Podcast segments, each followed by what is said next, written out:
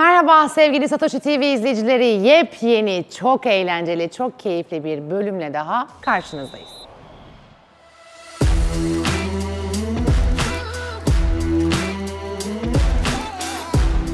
Oh!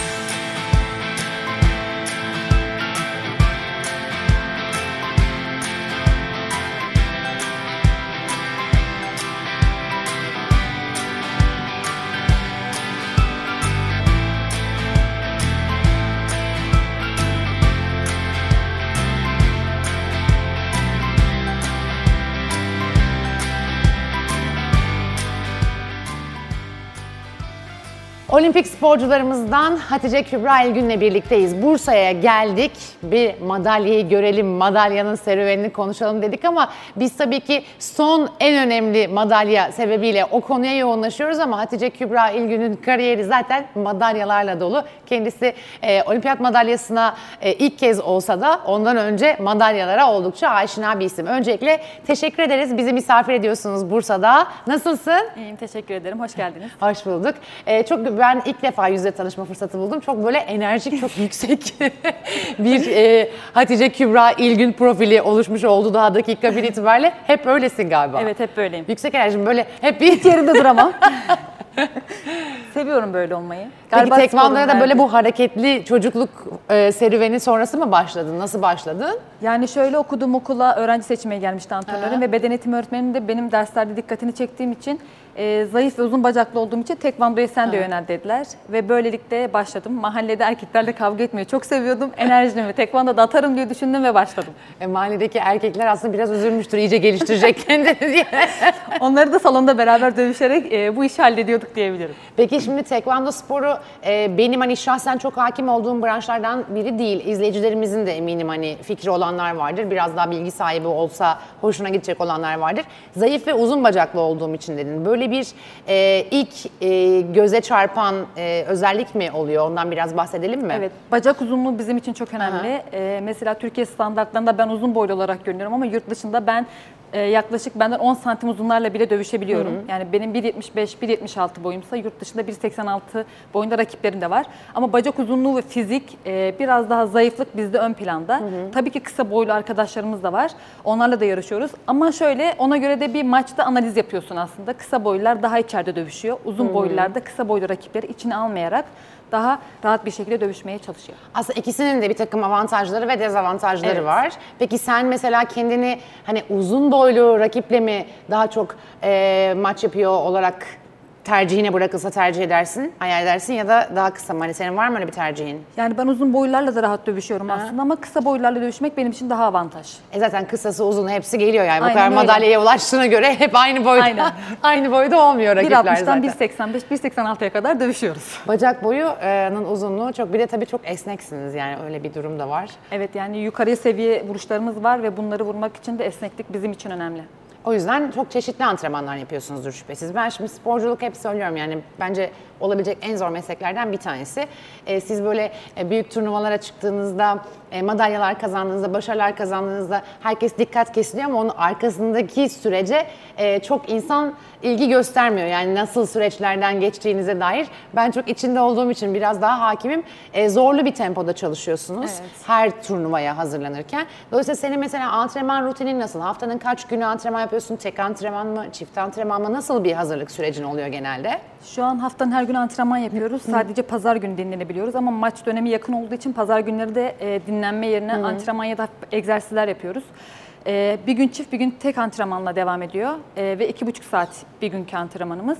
E, ve maç ağırlıklı yaptığımız için aslında çok yoruluyoruz. Mesela sabah normal işte raket dediğimiz teknikleri eldivene ya da rakete çalışıyoruz. Akşamları da daha çok dövüşüyoruz birbirimizle, partnerlerimizle. Böyle çok yoğun geçiyor ve aşırı yorgun oluyorum. Eve gittiğimde mesela dinlenmek istiyorum. Hani hiçbir şey yapasım gelmiyor. Pazar günü mesela izinli olduğumuz günler bile aslında evde yatarak geçiriyoruz. Çünkü gerçekten çok yoruluyoruz ve maça kendimizi adapte ettiğimiz için aslında e, sosyal hayatımız yok denecek kadar az. Bayağı az oluyor. Tabii çok Aynen. fazla ödün veriyorsunuz kendi kişisel zevklerinizden. Şimdi burada salonda yaptığınız antrenmanlar dışında mesela az önce söylediğimiz gibi esneklik, kuvvet antrenmanları için de ayrı bir çalışma programınız vardır şüphesiz. Evet e, ama şunu e, maçtan önce yapıyoruz bunları. Yani maçtan 2-3 ay önce işte e, gerekli fitness antrenmanları, egzersizler veya ağırlık antrenmanları yapıyoruz. Ama maça yakın bunu azaltmak zorundayız. Ve tekvando serilik e, spor olduğu için fazla kas bizde e, sıkıntı yaratıyor. Bu bizi yavaşlatıyor. O yüzden 2 ay kala, 3 ay kala bu programları erteleyip biz daha çok maça adapte olmak, maça yo- yoğunluk vermek için e, dövüşüyoruz, teknik çalışıyoruz. Bizim için aslında antrenmanda maç yapmak daha verimli oluyor. Peki sen hani tekvando sporcusu olmasan böyle sevdiğin başka ilgi duyduğun, izlemeyi sevdiğin ya ben de hani tekvando olmasa bu e, branşta olurdum dediğin bir branş var mı? Hangi branşı takip etmeyi seviyorsun kendi branşın Futbol, dışında? Futbol mu? Voleybol. Voleybol da çok seviyorum. Artı handbol. Yani üniversitedeki hocaların falan e, takım sporlarına beni çok istediler ama ben o zaman tekvandoda çok iyi yerlere geldiğim için bunu ertelemek zorunda kaldım ama takım sporlarına ayrı bir ilgim var. Ya sen burada futbolcu olsan bu enerjiklikle hani hep derler ya koşmayan futbolcu koşmuyor yani çok teknik ama koşmuyor falan. Sen bayağı teknik direktörlerin bayıldığı bir futbolcu olurdun. Yerimde kesin. duramazdım herhalde. Değil mi? Yerinde duramayıp Aynen. oradan oraya oradan oraya. Voleybol da evet hani e, artık tabii genel olarak diğer branşlara ilginin arttığını görüyoruz bu yıllar içinde. O yüzden çok seviniyorum Evet. ben. Sizin için ayrıca mutluluk kaynağıdır. Şimdi sen kaç senedir bu sporla uğraşıyorsun. Eskiyle şimdiyi mukayese ettiğinde ne kadar farklı değil mi Tabii ki insanların öyle. ilgisi? Yani 17 yıldır bu sporun içindeyim Ee, ve şu an işte olimpiyatlardan sonraki ilgiyi, işte aldığımız madalyadan sonraki ilgi aşırı derece fazla ve Bursa'nın tarihinde bir ilk olduğu için olimpiyat madalyası yoktu. Ee, bana şu an herkes böyle gıptayla bakıyor diyebilirim. Gittiğim her yerde o Hatice gelmiş falan. Herkes tanıyor. Ya bu bizim için tabii ki mutluluk verici bir durum ama şöyle bir şey de var. Ya başarısız olduğumuz zaman da aslında herkesin yanımızda olmasını isteriz. Kesinlikle öyle yani. Ben öyle olmasını çok istiyorum açıkçası. Yani her zaman başarılı olamıyorsun. Bu- Bu sonuçta öyle bir serüven yani. inişleri var, çıkışları Evet. var. İstediğin sonucu alabildiğin zamanlar var, alamadığın zamanlar var ama e, sonuç itibariyle doğru çalışıldığında, yeterli destek görüldüğünde e, ne kadar büyük başarılar kazanılabildiği ispatlanmış oluyor. Sizin Aynen. sayenizde şimdi tabii öğretmenlik de yapıyorsun. Yani sen sonuçta artık genç e, çocuklar için sadece izledikleri bir e, iyi örnek değilsin. Birebir de onların eğitimine katkıda bulunuyorsun. İlgi nasıl mesela? E, senin vesilen şimdi Bursa'daki ilk e, olimpik madalyayı getirmiş sporcu benim öğretmenim olsa ben mesela çok heyecanlanırım. Ve işte çok daha normalde spor aşkı yoksa içimde motive olurum. ya. o yüzden hani eminim böyle çok enteresan gözlemlerin vardır. Nasıl geçiyor çocuklarla o iletişim? Yani şöyle yeni atandım ama daha başlama fırsatım Aha. olmadı. Ama bundan önce de işte staj yapıyordum bir okulda. İşte herkes falan işte öğrenciler e, YouTube'da videolarımın altına falan yorum atmışlar. İşte işte biz biz onunla ders yaptık, işte canlı derslere katıldık falan diye böyle yorumlar vardı ve işte fotoğraf çekilmek isteyenler çok oluyor. Çok yazan var. E, öğrencilerden, sporculardan da örnek aldıkları biri, biri gibiyim şu an. Başlamak istiyorlardır Aynen. falan. Tekvandoyu ya zaten ben sadece tekvando olarak söylemiyorum aslında. Herhangi bir spor da yapmalarını öneriyorum. Çünkü hani spor sadece başarılı olmak için değil, sağlığımızı korumak için bile gerekli. Ama tekvandoda kendini savunmak için özellikle kadın ve kız çocuklarının e, yapabileceği bir spor. Peki e, şimdi ben yine bir geri döneceğim bir önceki soruya. Futbol dedin. Futbol böyle oturup izliyor musun maçları? Yani- Var mı böyle favori futbolcun? Ben hani işte ne iyi e, futbolcu bu. Çok keyif alıyorum ya. Tekniği ne kadar güzel falan dediğin var mı? Beşiktaşlıyım ben aynı zamanda ve Cenk Tosun'a ayrı bir hayranlığım vardı. ee, işte ama transfer olduktan sonra tekrar işte Beşiktaş'a geldiği zaman falan da işte bir havaalanında bir görüşmüştüm onunla fotoğraf falan çekmiştim. Kardeşim de koyu bir Beşiktaşlı. Aslında bizim babadan geliyor. Benim babam futbol antrenörüydü. Ha, öyle mi? Ve e, gençliğinde de futbolculuk yaptığı için sanırım o yüzden de biz ailecek Beşiktaşlıyız. Bir de futbola ilgilisiniz o yüzden. Aynen. Beşiktaş maçlarında mesela biz evde duramazdık. Çünkü o kadar stres ve heyecan var ki o evin içinde. Tam bir taraftar grubu vardı yani. Peki Beşiktaş'ın zaten taraftar grubu e, genel olarak hani hep en ateşlisidir. Ben de mesela hep böyle futbol tarafında yoğun çalıştığım zamanlarda ben Beşiktaşlı değilim ama e, hep böyle Beşiktaş'ın maçlarına gittiğimde daha enteresan bir şeyle enerjiyle çıkardım. Orada e, kulakları sağır edecek bir atmosfer işte taraftarın böyle toplumsal e, değerlere de değinmesi falan. Beşiktaş taraftarı hep böyle çok sembol, çok özel bir taraftar grubu. Gidiyor musun maça hiç mesela fırsatın Daha hiç olduğunda? gitmedim. Hiç gitmedim. Bir gün beraber gidelim. İnşallah gitmek Bir gün isterim. maça Ama bir beraber de şey, gidelim. mesela şöyle düşünüyorum. İşte futbola verilen ilgi e, belli ya Türkiye'de. Evet, bir de tabii. ben bunun üzerine Beşiktaşlıyım. Bir de futbolu çok seviyorum. Ama işte bireysel sporlara da daha fazla özen gösterirse, daha fazla ilgi olsa bence e, ülkemiz adına daha iyi başarılar gelecek diye düşünüyorum. O artıyor herhalde yani Evet. artıyor herhalde değil kesin artıyor. E tabii yani takım sporları dünyada da öyle ya yani futbol çok baskın işte Evet. bazı ülkelerde biraz daha değişiyor yerini basketbola bırakabiliyor falan. Ama hani bireysel branşlar aslında efor anlamında çok daha zorlu. Yalnızsın sonuçta Aynen. yani. Kesinlikle E, dolayısıyla e, daha fazla desteğe ve hani hem tabii ki tesisleşme anlamında hem de manevi anlamda çok daha fazla desteğe aslında sporcuların ihtiyacı var bence. O yüzden e, bu kadar kıymetli bir sporcudan bu e, ricayı, bu talebi e, almışken biraz daha siz de izleyiciler olarak e, alakanızı arttırın diyorum. Peki mesela boş zamanın çok olmuyor. Ne yapıyorsun boş zamanda? Boş zaman buldun. Ne, atıyorum yatayım evde şu diziyi mi izleyeyim dersin yoksa işte böyle sevdiğin bir aktivite falan var mı? Bowling oynamayı çok seviyorum. Bowling, aa. Evet, onu da severim. Yani bilmiyorum sporlara karşı aşırı bir ilgim var ama e, hafta sonu geldi işte pazar günü falan ailemle beraber bir kahvaltı yaptıktan sonra bowling oynamaya gidiyoruz. Onun dışında Ha, bayağı düzenli gidiyorsunuz bowling yani oynamaya. hafta Aa, ne sonları güzel. hemen hemen gitmeye çalışıyoruz diyelim ama işte sabahları genellikle. Öğleden sonra yine gelip 4-5 gibi bir antrenman saatimiz oluyor. Hoca her an bir antrenman koyabiliyor. O yüzden koşa koşa tekrar antrenmana geliyorum. Bowling oynuyorum. Onun dışında işte sinemaya falan fazla vakit bulamıyorum. Aha. Ama bowling oynamayı çok seviyorum. Peki orada da başarılı mısın? Çünkü sporcular böyle hele kazanmaya alışık sporcular hırslı olurlar. Çok başarılıyımdır. Erkek kardeşim her gittiğimizde bugün seni yeneceğim diyor ama maalesef e, yine ben Olmuyor. birinci geliyorum. Hatta pozlarım da var. Bunu Sen sizlerle gizlice- paylaşabilirim. Çok seviniriz. Sen gizlice gidip bowling antrenmanı yapıyormuşsun değil mi? Bütün aile bireylerini de yenmek için. Ben katıldığım her alanda kazanmak zorundayım diye. Başarısızlığı sevmiyorum, başarılı olmayı seviyorum. Başarılı olduğum şeylerde ilgim daha fazla oluyor. Böyle. Peki madalyanı nereye koydun evde? Nerede tutuyorsun? E, madalyam evde kutunun içinde duruyordu. Daha doğrusu şöyle, e, hep arabamdaydı. Çünkü gittiğim her yerde benden önce madalyamı istiyorlardı. şey, bir fotoğraf çekilebilir miyiz? Tabii diyorum ama madalyayla. E, şu an madalya yanımda sizler için getirdim. Ay ay ay. Sayenizde görüyoruz. Ve ya- yaklaşıyoruz biz de. Senin boynuna o zaman takalım, devamını öyle yapalım. Ay müthiş gurur değil mi? Ben çok bir tüylerim diken diken oldu bak hemen. O kadar duygulanıyorum ki. Ne hissettin bu tam boynuna takılırken? Maçlarımı şu an her gün izliyorum. Bu anı izliyorum ve ağlayacak kadar Değil mi? duygusal oluyorum. Ay, takalım mı boynunda dursun Takalım. ya. Şimdi ben tak ben takılırsam hadsizlik olacak diyecek ki insanlar. bu kadar hazıra konmak olmaz. Ay bak çok güzel gerçekten. Altın olsa daha güzel olurdu ama. Olur, niye olmasın? Daha var 2024'te. önümüzde, e, daha önümüzde var. Katıldığında bronzu aldıysan e, bir sonrakinde de altını alacaksın demektir. İnşallah, ben hedef orası. yani. Ama e, sonra altından başlayınca Altından daha sonra bilmiyorum. e, öyle o kadar büyük motive olmayabilir. Şimdi eminim altına çok daha motivesindir. Kesinlikle öyle. Ben altın madalya alsaydım belki 2024'de hedeflemeyi olabilirdim diye düşünüyorum. Ama şu an 2024'te altın madalya almayı çok istiyorum. Almazsam bu sporu bırakmayacağım. 2028'de de altın madalya alana kadar devam edeceğim. Altın madalya alacak e, sporcular da yetiştirirsin aynı zamanda. Yani o da İnşallah. çok ben çünkü antrenörler e, neticede en çok emeği verenler sen madalya aldığında ailen de çok sevinmiştir şüphesiz ama e, antrenörünün de ayrı bir e, mutluluğu olmuştur yani o kadar emek veriyor da. Yani onlar onlar nasıl hissediyor bilmiyorum ama herhalde yani hem ailem hem de antrenörüm çok ağlamışlar. Öyle duydum. Ay, ben de ağlamıştım. Ben vallahi çok ağlam ben de ağlarım şimdi. Peki böyle şeylerin var mı? Atıyorum işte rutinlerin böyle çok önemli bir e, maç öncesi Totem. Şu- totem gibi yani atıyorum şu rutini yaparım, şunu izler ya da dinler yatarım. Ne bileyim işte sağ ayağımla çıkarım, şu müziği dinlerim, şununla telefonla konuşurum veya hiç telefonla konuşmam. Var mı öyle şeylerin? Yani maçtan bir gün önce ben maçla ilgili hiç konuşmayı sevmem. Yani e, sanki yarın maçım yokmuş gibi davranırım. E, maçtan bir gün önce mutlaka Antep fıstığı yerim. Antep fıstığı. Evet yani bu oldum olası böyle. Hatta işte bir de Bim'in Antep fıstığı. Allah Allah. Bunun dışında hiçbir yerden Antep fıstığı yemiyorum. Aa. Yenil, ben yediğim anda yenildim. alacağım şimdi geçerken. Ne çok mu de- değişik bir şey? Yani tadı güzel ve Allah Allah. yani öyle oldu. Hani Aha. öyle hissediyorum. Başka bir yerden aldığım zaman yenildim. Ha, sen ona anti, anlam yükledin tabii ki. Aynen, kesinlikle öyle. aynen.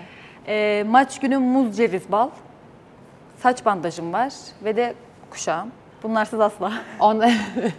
Peki bir böyle hissediyor musun? O, o şey var mı böyle hani mesela futboldan bahsettik böyle golcüler hani hissetmiştim ben bunu takım arkadaşım söylemişti ya da rüyamda görmüştüm gibi şeyler söyler. Senin mesela tabii ki sonuçta rakibinizi de analiz ediyorsunuz. Dolayısıyla fikrin oluyor. İzliyorsun da onun sonuçta senden önceki e, müsabakalarını.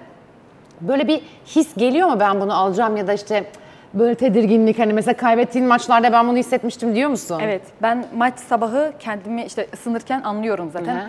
Eğer o gün bacaklarımı iyi hissedersem Hatice bugün madalyam var diyorum. Mesela olimpiyatlarda yenileceğimi biliyordum. Yani e, madalya maçından işte repesajdan önce finale kalamayacağımı biliyordum. Ve yenildiğim rakibi de Amerikalı rakibim ve 5 defa yendiğim olimpiyatlarda ilk kez yenildiğim bir rakip. Bu yüzden daha acı oldu benim için. E, ama maç günü hissediyorum yenilip yenilmeyeceğim işte ya bu rakibi alacağımı. O herhalde hisle alakalı. Sizin de Ama çok zor gibi. değil mi o? Yani o olumsuz hisse girdiğinde de çok zor ya. O anda şey yapmaya çalışıyorum. İyisin Hatice, yapacaksın Hatice ama işte olmayınca olmuyor.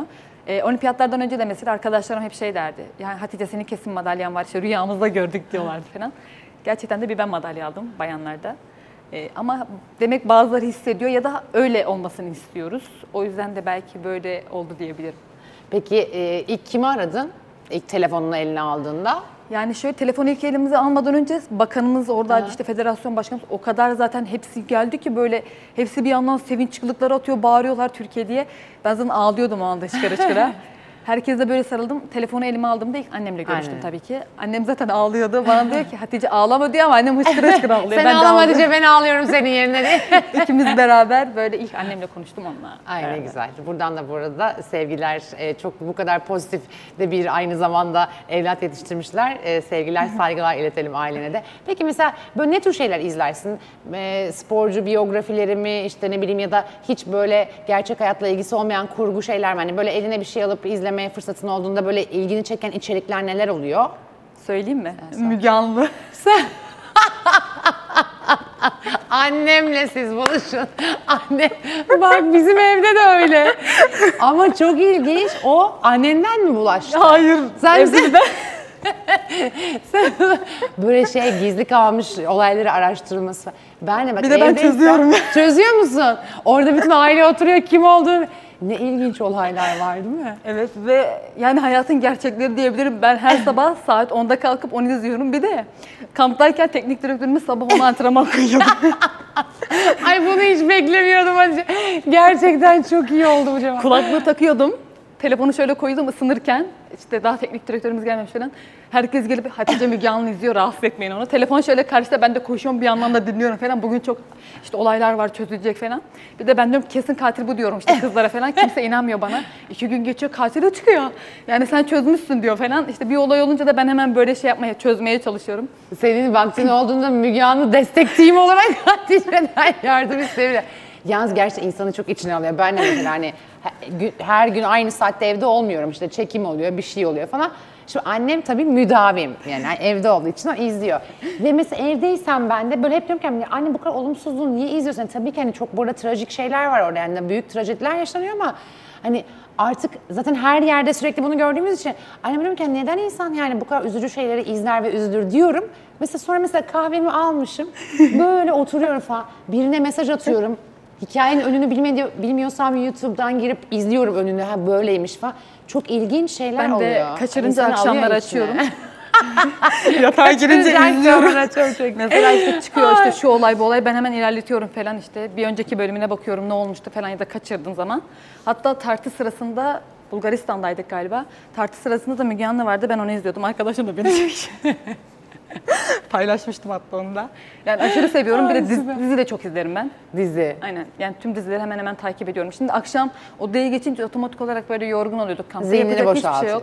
Dizi izliyordum falan. Bir de oturup ağlıyordum. İşte Müge Anlı'daki olaylara ağla, ona ağla. Hep ağla işte. Sonra hırsını iyi hır, hırsını minderde atıyorsun. İyi Aynen. yani sonuçta işe yarıyor bir şekilde.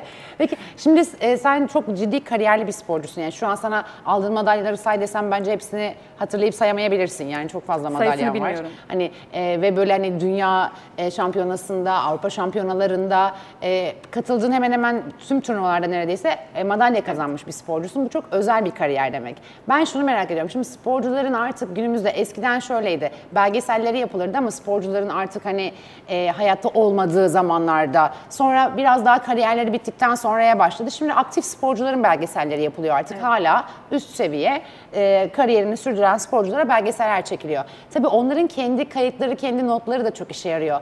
Bugüne kadar yapıyor musun diye soracağım. Yapmıyorsan da bence şimdiden başla. Böyle notlar alıyor musun? Bunu yerine bir gün ben bir e, bu kadar özel bir kariyere sahip sporcu olarak kitap olarak hazırlatayım ya da işte ufak detaylar, ses kayıtları, videolar birileri beni çeksin ya da ben çekeyim. Bunlar yarın öbür gün bir belgesel hazırlığında e, yardımcı olsun diye yapıyor musun böyle notlar? Yani şöyle notlarım yok ama gazeteler, gazete haberlerim çok var. 2009'dan beri bayağı biriktirdiğim işte bu zamana kadar neler yaşadım, işte ne gibi zorluklardan geldim.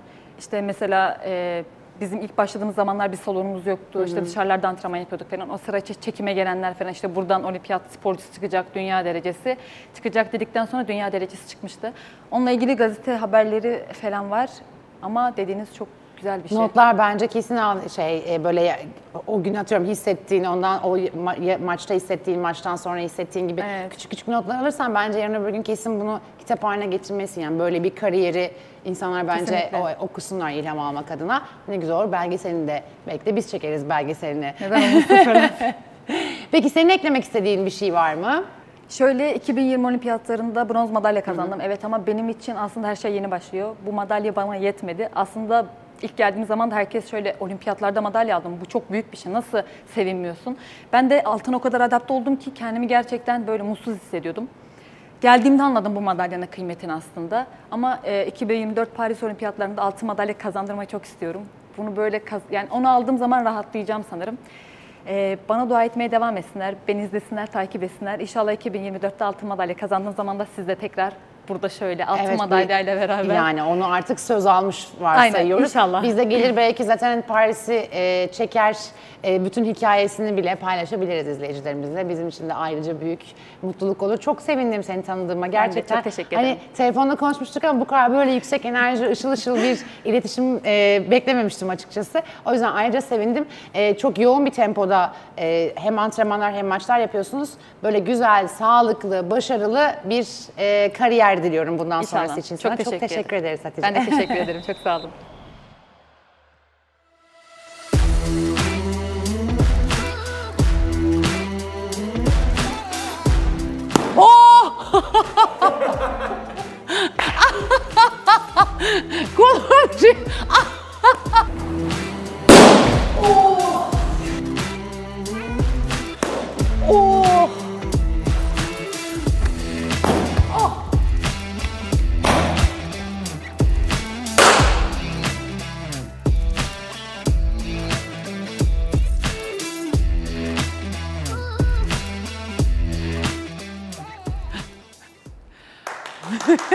Alkış bana herhalde. Yeni Nesil Spor'un bu bölümünde sizler için milli gururlarımızdan bizi dünyadaki en önemli spor organizasyonunda madalyayla onurlandıran sporcularımızdan Hatice Kübra İlgün'ü konuk ettik. Çok keyifli, çok güzel bir program oldu. Bu yağmur gibi madalya yağsın diyoruz bundan sonra da ve Bursa'ya böyle biraz ıslanarak veda ediyoruz. Haftaya görüşmek üzere.